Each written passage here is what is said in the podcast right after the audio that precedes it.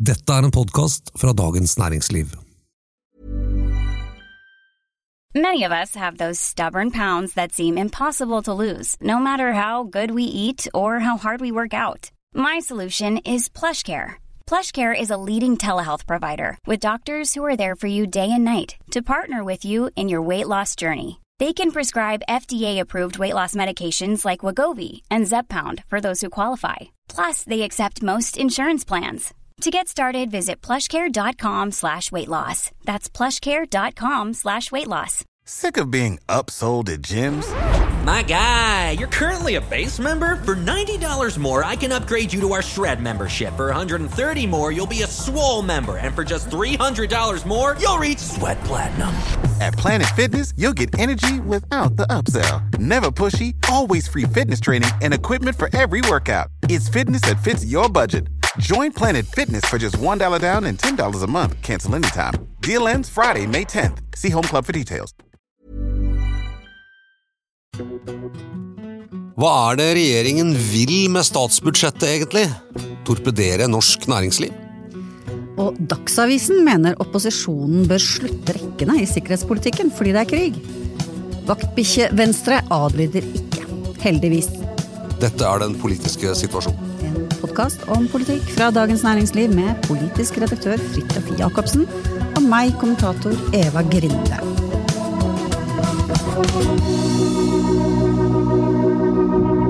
Jonas Gahr Støre tar farvel med middelklassen, skrev du på lørdag, Fridtjof.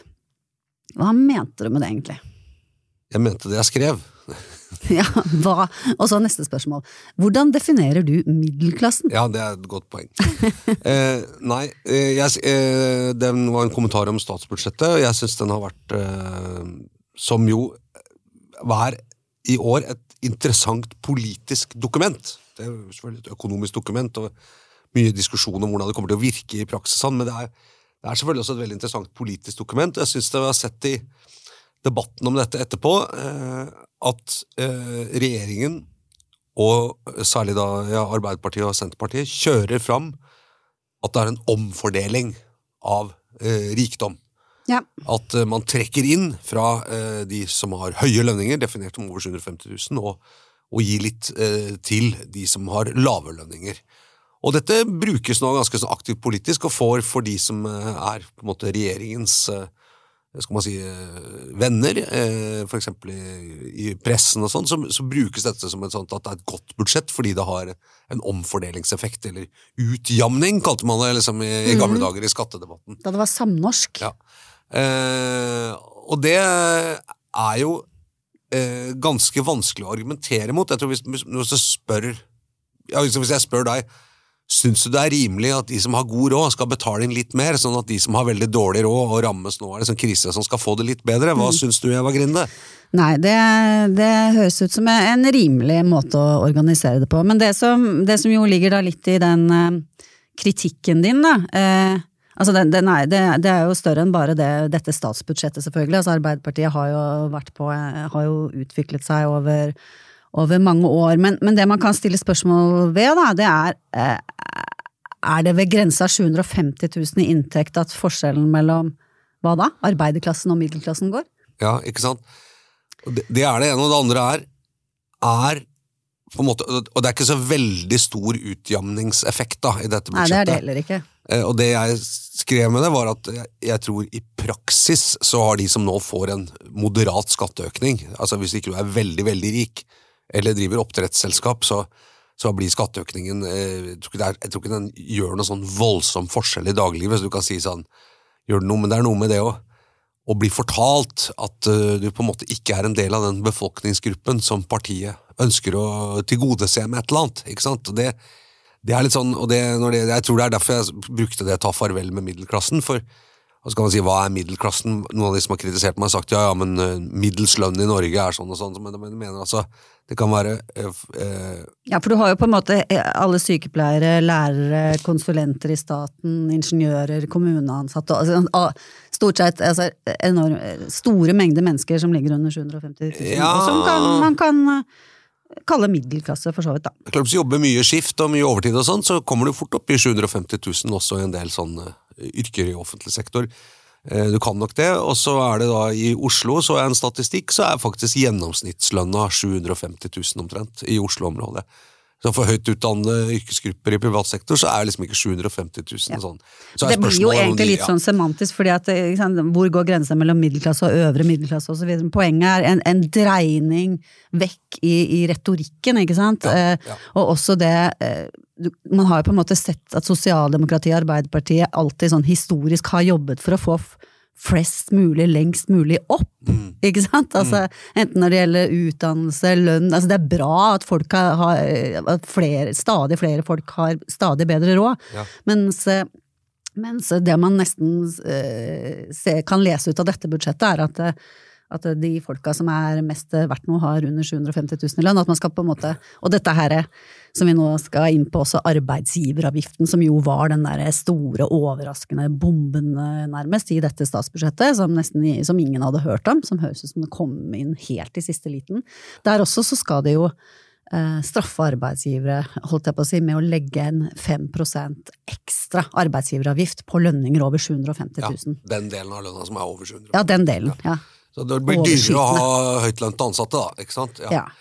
Men eh, jeg vil si bare Jeg tror det er liksom Man gjør noe jeg reflekterer litt som hvis, De lærerne som streiket, da, så lenge, som vi snakket om. Jeg tror hvis du hadde spurt dem Vil dere ha høyere lønn, eller vil dere betale litt mindre skatt, så tror jeg svaret ville vært at de vil ha høyere, heller ha høyere lønn enn å, enn å liksom få noen tusenlapper mindre skatt, hvis du skjønner. Det er noe med det at Prestisjen. Ja, men det er, jeg tror det er noe i oss at lønn er mer håndgripelig og mer personlig enn at vi får litt skattelette. Vi vil heller tjene mer, ikke sant? Det, Mm. det er litt sånn det er. Det er det ene, og så er det det andre som er, tror jeg, en regjering, og det, det har jeg tenkt litt på etterpå, for jeg så sånne målinger, er tilsynelatende ikke noe særlig utslag, i hvert fall ikke i positiv retning for regjeringen etter dette budsjettet. Hva tenker du på altså eh, oppslutning? Nei, oppslutning Ja, Som om det, hvis det var stortingsvalget i morgen, liksom? Ja. Nei, og, og det var også en ganske dårlig statsministermåling for Jonas Gahr Støre Ja, ja, veldig. sånn. Men det er jo Her tror jeg liksom hva er Man forventer at en regjering, i tillegg til å på en måte innfri sine valgløfter og, og, og sånn, eh, for grupper, eh, har bruker liksom energi og har fokus, som det heter, på det som er de store utfordringene i samfunnet akkurat nå. ikke sant? Eh, og noen ganger er det veldig tydelig. Pandemi, da var det bare pandemi det handlet om for regjeringen, og det var det som var forventningen. Hvis de hadde drevet med masse annet, så tror jeg folk hadde blitt sånn Hvorfor driver de ikke bare med det? Eh, krigssituasjonen, liksom Norges sikkerhet nå, tror jeg er veldig viktig at de bruker mye tid på. Det gjør de en del på, men så er jeg litt sånn Det er strøm og krig, da. er, Ja, men er liksom fordeling Er liksom det det mest akutte problemet som folk oppfatter nå i Norge? Hva er det man er redd for? Er det at det er for lite fordeling?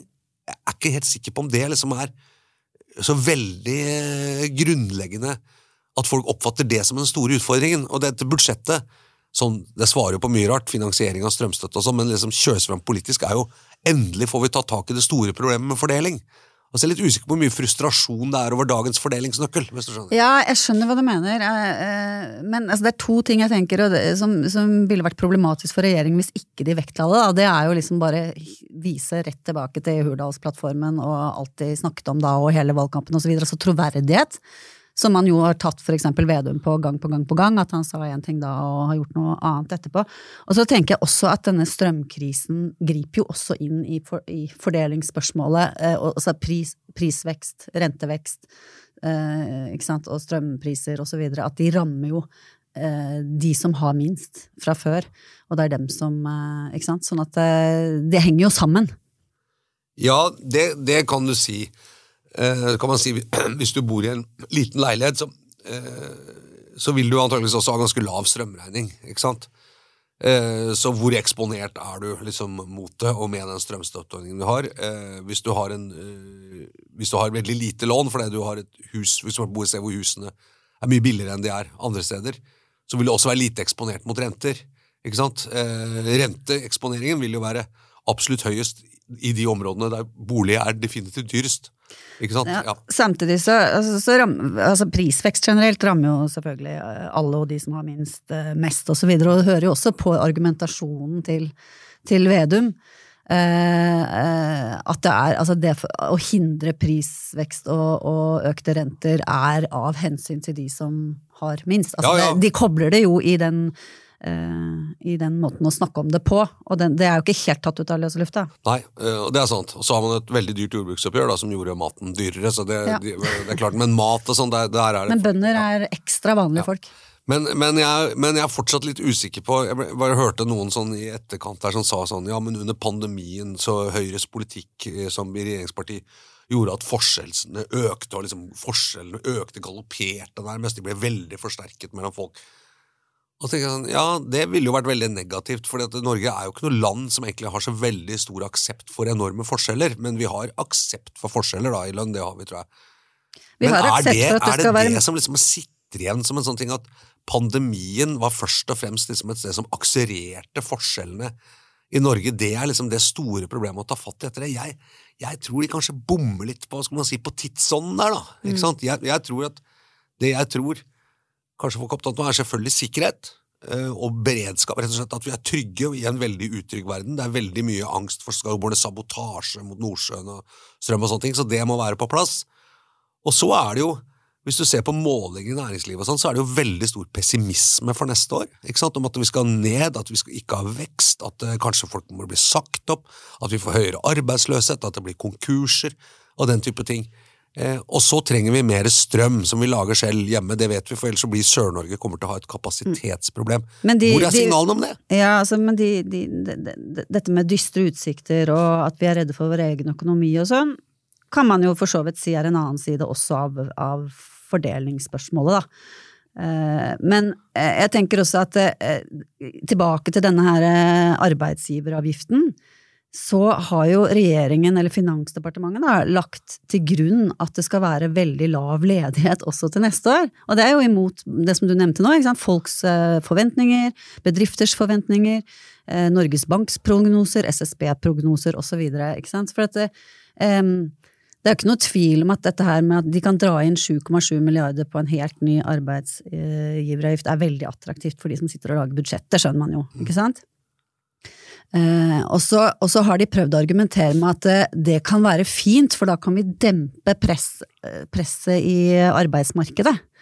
Eh, altså at man eh, Det er bare bra det at man liksom ikke trenger så For en, en sånn Det å, å gjøre det dyrere å ansette folk, altså makroøkonomisk, det vil jo gjøre at man ansetter færre folk. eh, Sånn på lang sikt i hvert fall, ikke sant, når den effekten slår inn. Ja. Så, eh, så det, ja. Men det igjen, ikke sant, det er sånn eh, Ja, ok, så man skal gjøre det vanskeligere å ansette folk. Eh, og det er også snakket om denne høyprisbilleget, altså denne ekstraordinære skatten på alt overskudd i kraftbransjen. Eh, som noen sier, ja, det kan godt hende at man kan si det er riktig å ta inn det, men det vil gjøre noe med investeringslysten i ny fornybar, altså ny vannkraft, spesielt, og vindkraft og, og ny kraft som skal bygges ut, som vi vet er et eh, problem. Så, så Før budsjettet kom, så snakket man ikke så veldig mye om fordeling. Da snakket man mer om behovet for inndekning og et stramt budsjett. Man altså ikke bruke oljepenger, derfor måtte man ta inn masse skatt eh, det, for å få dette til å gå opp.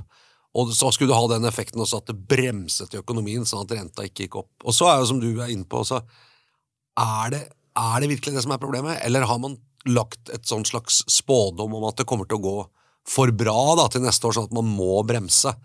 Kanskje det allerede eh, er på vei til å gå såpass dårlig at ikke man hadde trengt det. At det man, kunne være et år hvor det var eh, riktig å bruke litt mer penger, eller ha litt mer penger i omløp. Ja, eller en, en annen måte å se det på, da, er at, at hvis disse prognosene faktisk stemmer, så burde dette budsjettet vært mye strammere. Så det er i hvert fall en del Ja. flere økonomer som har pekt på, da. Ja. At eh, de, de to tingene henger ikke helt sammen, for det er faktisk ikke så veldig stramt heller. Det, ble, det var jo veldig mange som var overrasket over at det ikke var tøffere enn det det var, etter alle de advarslene og ja. Ja, men der sier de vel at en del av utgiftsveksten får du ikke gjort noe med, for at det er pensjoner, eh, lønnsøkning og prisøkning, også i offentlig sektor osv. Men, men jeg er litt enig. Men jeg tror de, jeg tror de Det er ikke som eh, Oppgaven de har fått, da, ikke sant, er eh, dere må finne eh, 100 milliarder. Eh, hvordan skal dere gjøre det? Og så sier de ja, det har vi klart, men, men er, noen av grepene man bruker her, er jo litt for eksempel det å ja, vi innfører en arbeidsgiveravgift i ett år, som gir 7,7 milliarder, ja. men vi sier bare at det, skal bare, det er ekstraordinært. Og så tenker man ekstraordinært, ja da kan det være knyttet til ekstraordinære utgifter, da, som for eksempel strøm, Ja, strømstøtten er jo dekket inn gjennom de ekstraordinære skattene på strømselskapene, pluss at de, de leverer selvfølgelig mye utbytte òg. Eh, ja, er det forsvar, er det en ekstraordinær utgift? Ikke egentlig. Hvis vi skal opp på den 2% så er det en ganske vanlig økning. Jeg håper den er ekstraordinær. Pens økning i pensjonsutbetalinger, folketrygd og, og pris- og lønnsnivå i offentlig sektor, det kan jo ikke sies er ekstraordinære utgifter. Så hva går disse pengene egentlig til? Ja, og de har jo ikke for så vidt sagt at ja, denne skal bare vare i 2023. De har kalt den for situasjonsbetinget. Eh, sånn at det er jo ingen garanti heller for at den er, eh, tas vekk i, i 2024. Og det, det er selvfølgelig da gjør det jo Det er jo en betydelig utgift for en del bransjer. Altså, hvor, særlig selvfølgelig der hvor det er veldig mange ansatte med over 750 000 eh, i lønn, da. Enten det er IT eller ø, oljebransjen eller finans eller det er, ikke sant. Og det å ikke vite om man har en sånn ekstra skatt på toppen når man skal planlegge budsjett, for eksempel, det, det er vrient. Eh, eh, altså, alle tar for gitt at denne bare skal være ett år. eh, og, og det er, Ikke næringslivet, sånn som jeg leser dem. De er i hvert fall redde for at den ikke skal det. Ja. Nei, og så LO snakket om det, For for man har jo gjort noe ganske oppsiktsvekkende at man ikke har tatt LO og NHO med på, en måte på råd, og som LOs sjeføkonom Roger Bjørnstad sa til TV 2, at dette er jo en type avgift som går inn i lønnsdannelsen. ikke sant? Altså, Det er jo en avgift som, som hører hjemme i et lønnsoppgjør, og som en del av faktagrunnlaget for hvor mye man har råd til å gi i lønnsøkning osv. Så, videre. så så at ikke vi er tatt med på råd om det, det er liksom ganske uvanlig. Ja, som han sa sist, sist man økte arbeidsgiveravgiften på den måten, så, så var det i forbindelse med innføringen av dette såkalte solidaritetsalternativet med frontfagsmodellen osv. Så, så, så her har man også gjort det litt sånn eh, med haralabb, tror jeg. Og det han var ganske, veldig- han var ganske sterk, altså Roger Bjørnstad. TV 2 også hadde flere kilder, men som ikke var, ville stå for Altså han sa at det var ganske, ganske oppgitt i LO at man bare hadde gjort dette her i LO, altså. Ikke sant? Ja. Ja. Både LO og Ja, nemlig. Og NHO altså, selvfølgelig, men, men eh, også i LO. Ikke Ja, sant? ja, absolutt. For det er klart, ja, da blir det mindre penger. eh, Ja, da blir det kanskje dårligere lønnsoppgjør. Eller, det- ikke sant? Det er mindre å gi, for det går mer til staten, mindre å gi til de ansatte. Ja. Og det de kaller det, og, og oppfatter det som, er jo bare en ren eh, såkalt fiskal eh, skatt, som går ut på å skaffe mer penger inn til, til statskassa, rett og slett. Og det er ikke spesielt gjennomtenkt hva slags følger det vil få, ikke sant. Hvis man da fortsetter med den, hvem vil ta, hvem er det som ender opp med regningen? Er det arbeidstagerne som, blir liksom, som får nedpressa lønn? Blir det høyere arbeidsledighet? Ønsker regjeringen høyere arbeidsledighet? Er det liksom gjennomtenkt? Eller tredje alternativ, at bedriftene setter opp prisene sine på varer og tjenester for å dekke inn denne nye utgiften. Og sånn, ja, er der, inflasjon ja. var vel egentlig noe de ja. var litt imot. Ja, og så, er, ikke sant? så det, det virker som du sier, som at ok, vi trenger penger, og så blir det gjort veldig fort, og så pakkes det inn som at ja, men det er fordeling, og så er det egentlig bare inndekning. Ikke sant? Det Det er tror bare jeg. fiskalt. Ja. Akkurat den er det. Jeg. Jeg er, jeg er litt usikker. Jeg, I og for seg syns jeg det er helt ryddig. Budsjettet er en refleksjon og et ganske tydelig uttrykk for at denne regjeringen sier at det å fordele eh, og liksom ta, trekke inn penger fra de som tjener over 750 000 og gi da ikke så veldig mye riktignok, men klar retning, og gi det til eh, inntektsgruppene under, det er vår politikk, og det mener vi er en så viktig utfordring da i samfunnet at vi gjør det. Jeg er bare litt usikker på om det oppfattes som liksom den store utfordringen i Norge for tiden, at vi har fått for store forskjeller. Eh, noen vil nok mene det, men jeg er ikke helt sikker på om det liksom favner så veldig bredt. Og der kommer vi tilbake til min overskrift 'Farvel til middelklassen'. Ikke sant? Hvis man ikke skjønner problemet, eller ikke, på en måte ikke er helt enig i problemstillingen, så vil jo da, da vi må bare si Hvilken problemstilling, hva tenker du på? at, ok, Vi skjønner at nå er forskjellene for store, så vi må utjevne de litt. Ja, sånn, Hvis de er er liksom bredt, så sier vi at ok, da blir det litt vondt for meg, men det er greit, jeg skjønner det, for det er for a greater good. Mm, ikke sant? Men hvis man liksom ikke skjønner helt det, eh, altså enten de som da må betale inn litt mer, men hvis også de som på en måte får noen hundrelapper ekstra i måneden, sier sånn ja, er det liksom dette dere mener er viktigste? Det er andre ting vi er mer opptatt av at regjeringen skal løse enn akkurat dette her. Så ser ikke jeg at det vil gi så stor effekt. Men vi får se. Det kan hende. Det kan hende. Men de mener i hvert fall at regjeringen mener at dette burde folk være veldig opptatt av. Ja. Ja, og, og, og, jeg- og jeg, jeg skjønner jo at de, at de vil følge opp sin egen uh, raison d'être, holdt jeg på å si. Altså, det er jo det de gikk til valg på og skrev plattform på, og sånn, og, også greier å liksom ha en tydelig profil, da. Man ser på en måte hvem de er, og hva de vil. Så det kan nok være på lang sikt en fordel med det også. ja, men hjelper ikke å ha tydelig profil Eh, hvis, pro hvis profilen er sånn at uh, du går fra uh, 12 til 4% eller blir liggende på et Arbeiderparti på 20 blank, Nei, de har ikke da kan man godt si at vi er i hvert fall veldig tydelige. Men jeg kan si at det, er så, det blir tydeligere og tydeligere hvorfor folk ikke, hvorfor jeg ikke skal stemme på dere. Ikke sant? Kanskje. Det gikk jo kjempedårlig når de, var, når de bare unnvek seg ethvert spørsmål og var helt sånn ulne også. Og så, og så er det kanskje bare Jeg vet ikke hva slags regjering som hadde skutt i været hvis de skulle takle den, den situasjonen vi står oppi nå. Men eh, jeg vet ikke. Vi, vi får se. Det, for, det går i hvert fall fortsatt skikkelig dårlig. Og vi er jo også så eh, uansvarlige at vi sitter midt i en krig eh, og uttaler oss kritisk om regjeringens disposisjoner. Ja, det er, Det er det noen som mener at vi overhodet ikke burde gjort. Ja.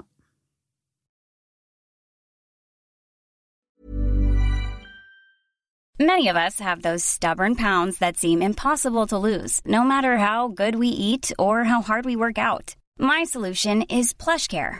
PlushCare is a leading telehealth provider with doctors who are there for you day and night to partner with you in your weight loss journey. They can prescribe FDA-approved weight loss medications like Wagovi and Zepbound for those who qualify. Plus, they accept most insurance plans. To get started, visit plushcare.com slash weight loss. That's plushcare.com slash weight loss. When you make decisions for your company, you look for the no-brainers. If you have a lot of mailing to do, stamps.com is the ultimate no-brainer. Use the stamps.com mobile app to mail everything you need to keep your business running with up to 89% off USPS and UPS. Make the same no-brainer decision as over 1 million other businesses with stamps.com. Use code PROGRAM for a special offer. That's stamps.com, code PROGRAM. For Eva, du leser jo innimellom Dagsavisen. Jeg gjør det, vet du. En Oslo-avisen, Dagsavisen. eh, Og de hadde en lederartikkel eh, denne uka som du eh, bet deg merke i, som det heter. Ja, nei, altså det, det, det var rett og slett en, et angrep på venstreleder Guri Melby for at hun eh, på verste sånn opportunistiske vis utnytter krigen til å score politiske poeng. Altså det var en kritikk fordi eh, Venstre med da Melby i spissen har eh, har ganske sånn systematisk ligget eh, frampå med å presse regjeringen, stille spørsmål til regjeringen, og da med hva slags tiltak regjeringen har gjort, og hvor fort de har gjort det, vis-à-vis, eller i, i forbindelse med krigen i Ukraina. Um, så der er det altså et presseorgan, en kollega av oss, som eh, mener at, eh, um, mener at eh, i en så spissa situasjon, når det er krig i Europa, så bør opposisjonen altså slutte rekkene og støtte opp om regjeringen. Ja, Gjaldt dette beredskapstiltak Kan eller våpen til Ukraina? Eller? Ja, egentlig så, så var, det, var det hele rekken. Altså, de har jo Venstre var jo veldig tidlig ute med å si Med å liksom dytte på for å få veldig klar policy fra, fra Norge. Men så, så var det vel noe som fikk det til å tippe litt over, og som også mange andre også mange andre kommenterte, så var det vel et spørsmål til eh, statsministeren, tror jeg det var, fra, fra Guri Melby, om, eller om det var justis... eh, eller olje og energi, om de kunne garantere om de kunne garantere at det ikke fantes noen eksplosiver montert til norske gassrørledninger Ja. i det hele tatt, eller noe sånt. Ja. Og det var jo et sånt spørsmål alle bare tenker selvfølgelig kan de ikke garantere det. Uh, og det Håper de, håper de kan det. Ja. Ja, men altså Ja. Både og. Jeg, jeg håper også de kan det, men altså, man vet jo at, eh, at det, de, de driver ikke og snorkler ned langs hele Nei, det, man, det er et spørsmål som er stilt bare for at man kan regjeringen kan fuck en gang garantere at det ikke er sprengladninger på Ja, Det var jo for å få opp en problemstilling, og det kom i, etter, det kom i etterkant av at, eh, at eh, regjeringen hadde, eh, hadde antydet, eller mer enn antydet, at de som har ansvar for sikkerheten er oljeselskapene selv. Eh, og og, og, og det, da, da syns jeg jo det er viktig å få på det rene hva skjer med den type ansvar når vi når plutselig Det er ikke bare, det er ikke bare snakk om oljeselskaper og at ting kan gå galt, det er snakk om geopolitikk og krig og trusler og beskyldninger, ikke minst. Altså, vi hadde jo beskyldninger i Putin-tro medier i Russland om at Norge sto bak disse lekkasjene på Nord Stream 2, ikke sant?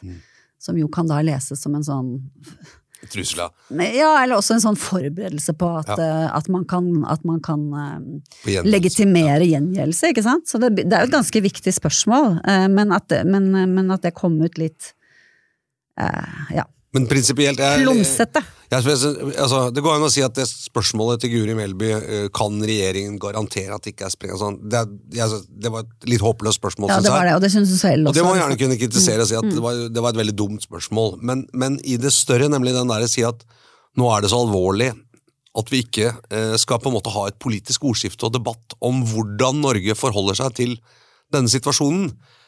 Eh, det, det, tror jeg, eh, det tror jeg er eh, galt tenkt. For jeg tror nettopp det at i møte med veldig uoversiktlige situasjoner, som er ganske sånn, hva man si, dynamiske, altså de er kaotiske, man vet ikke helt det som gjelder i dag, det kan godt være ugyldig i morgen, fordi situasjonen kan forandre seg. Dette minner litt om pandemien, hvor man eh, tar beslutninger på et beslutningsgrunnlag som er ganske Man er nødt til å ta veldig raske beslutninger, og beslutningsgrunnlaget er ikke komplett. Og så kan det hende at man, når man da ser på beslutningene hvordan det virker, at man må gjøre om etterpå, så man må liksom ha litt lav prestisje. Så ligger det i alle regjeringers og politikers gen at de vil alltid være prestisje knyttet til de beslutningene de har fattet, så det er vondt for dem å gjøre om på det, for da må man liksom innrømme at man tok feil. Men det er jo noe av det sunneste man kan gjøre hvis man ser at ok, virkeligheten var ikke helt slik vi trodde, så beslutningen ble feil. Eller den var riktig da, men den må gjøres som nå. Og for å få det, skal man si, den, og som er en viktig og konstruktiv offentlig debatt, så er det jo nettopp viktig med denne typen ordskifte. Ja, det er det det er. Jeg, Eh, hvis man lukker det, så risikerer man jo på en måte at de som sitter i makta, de liksom bare Vi har vårt beslutningsgrunnlag, og vi bare står fast på det, og så går man glipp av liksom viktige innsigelser. Ja, det er jo denne typen demokrati vi driver og forsvarer også, og det syns jeg også faktisk er et Ja. poeng oppi det hele, ikke sant?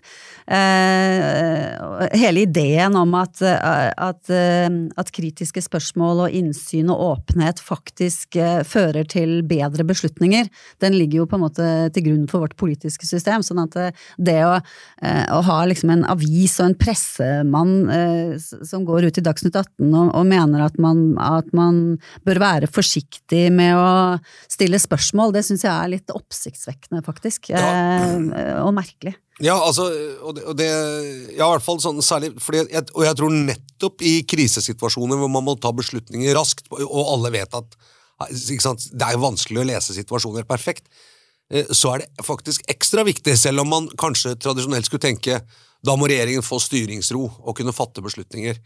Men det å liksom utfordre, komme med kritikk av beslutninger, liksom komme med nye, eh, nye måter å se ting på, hva er konsekvensene osv., eh, det truer ikke på en måte regjeringens autoritet å gjøre det. Og det er klart, hvis det blir en ordentlig anspent situasjon der Norge på en måte er veldig truet, eller er i en eh, konflikt, da, i hvert fall en sikkerhetspolitisk krise eller konflikt, eller sånn, så er det litt annerledes. Da er det viktig, kanskje litt viktigere å stå sammen og gi, og si at ok, det er regjeringen som taler på vegne av Norge.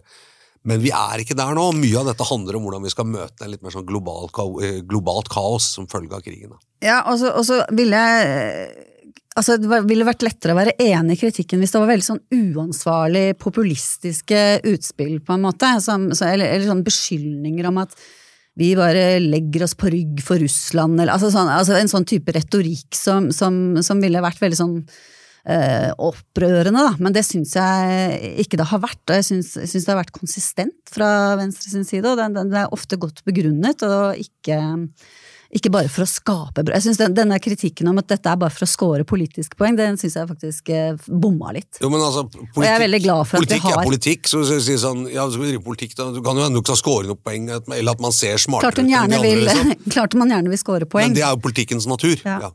Så, men, men gitt at også Høyre på en måte har tatt, inntatt en litt sånn, litt sånn sedat vi, vi er også et styringsparti, så vi skjønner veldig godt eh, alle de vanskelige tingene som ligger til grunn her og sånn. De har vært mye vagere i mange, eksempel havneforbudet, og der Venstre har vært krystallklar, så, så tror jeg det er bra for Norge at vi har et så ja, et parti som tar den rollen. Da. Ja, jeg, jeg tror også jeg tror det er Og det er i også, hvert fall ikke pressefolk sin oppgave å prøve å få dem til å slutte med det. Jeg tror det er sunt. Altså, jeg tror faktisk det, det kan gjøre beslutningene og Norges beslutning i den situasjonen bedre, nettopp at det er en sånn ting. Akkurat som under pandemien. Ikke sant? Og som var jo en av de, eh, en av de eh, på en måte virkelig løfterike tingene med det, var jo nettopp spesielt vil jeg si Folkehelseinstituttet, da, som sa at vi legger fram liksom, vårt beslutningsgrunnlag så godt vi kan, selv om det gjør oss sårbare. Og det gjør regjeringen. Sårbar. Eh, Og det kan hende at vi sier ok, eh, ja, vi, først vi, mener at masker ikke, sant, ikke har noe effekt, og så sier vi ok, nå tror vi faktisk at det har en effekt, selv om vi mente noe annet sist gang.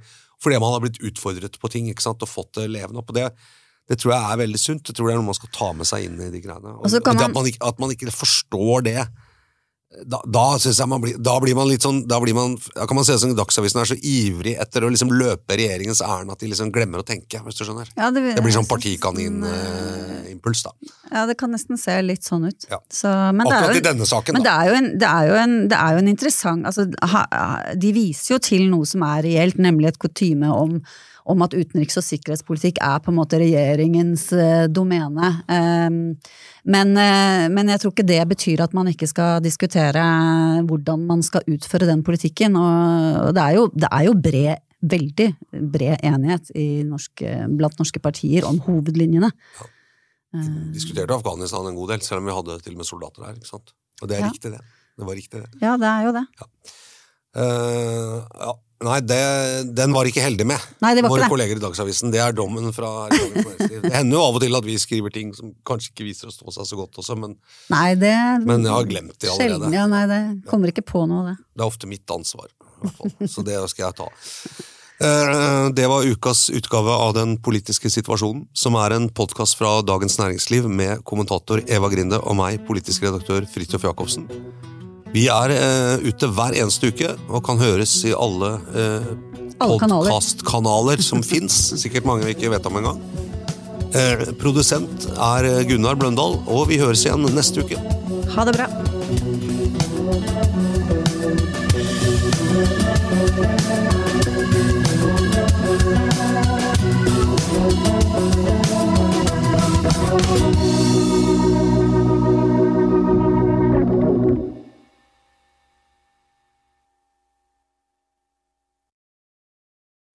Du har nå hørt en podkast fra Dagens Næringsliv.